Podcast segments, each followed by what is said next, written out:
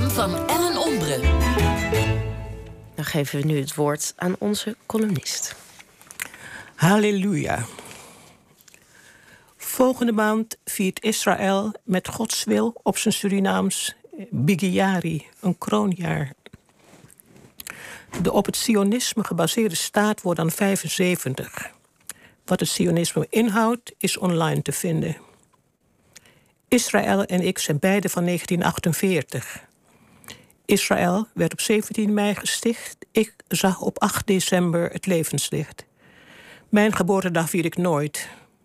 Een surprise party zou mijn levenseinde bespoedigen.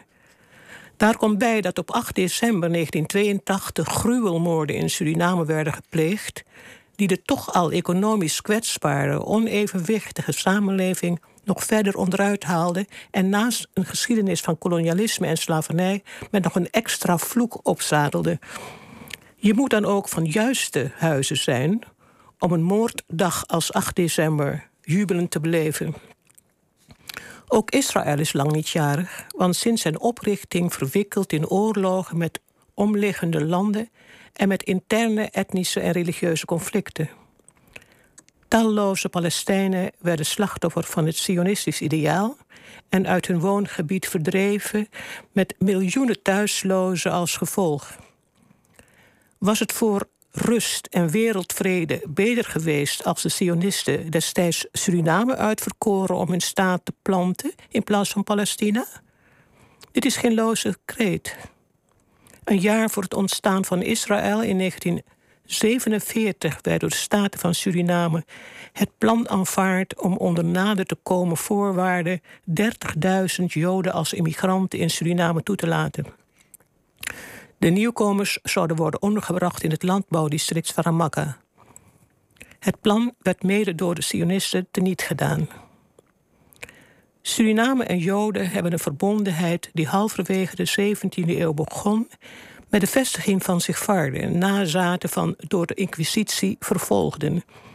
Mede aangestuurd door David Cohen Nassi, stichtende Portugese Joden, vergezeld van hun slaven, de legendarische Jodensavanne het Jeruzalem van hun dromen, 50 kilometer stroomopwaarts van Paramaribo aan de Suriname-rivier. Een persoonlijke noot.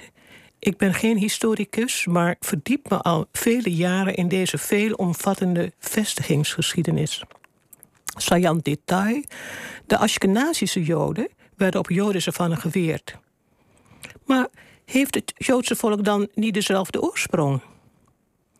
In een interview met de Israëlische historicus Shlomo Zand, auteur van The Invention of Jewish People, drukt de Volkskrant van 12 november 2009 af dat Joden niet van het Bijbelse Israël komen, evenmin van het Koninklijk Judea, het Koninkrijk Judea, dat met Jeruzalems tempel en al door de Romeinen is verwoest in 70 na Christus.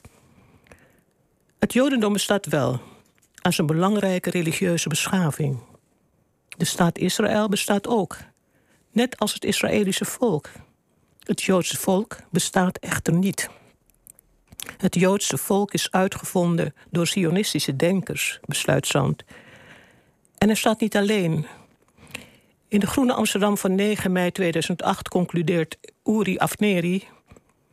In de strijd tussen mythe en objectieve geschiedenis wint de mythe die het beste bij onze behoeften past. Altijd met afstand. Wat er was, is niet belangrijk. Wat onze verbeelding aanvuurt, dat is belangrijk. En dat bepaalt onze koers tot de dag van vandaag. Honderd jaar lang hebben Sionistische archeologen zich uitgeput in pogingen om een enkel stukje bewijs te vinden dat het Bijbelverhaal ondersteunt. Alles vergeefs. Halleluja. Hartelijk dank, Ellen Ombre. We gaan vast nog terugkomen op Israël de komende tijd.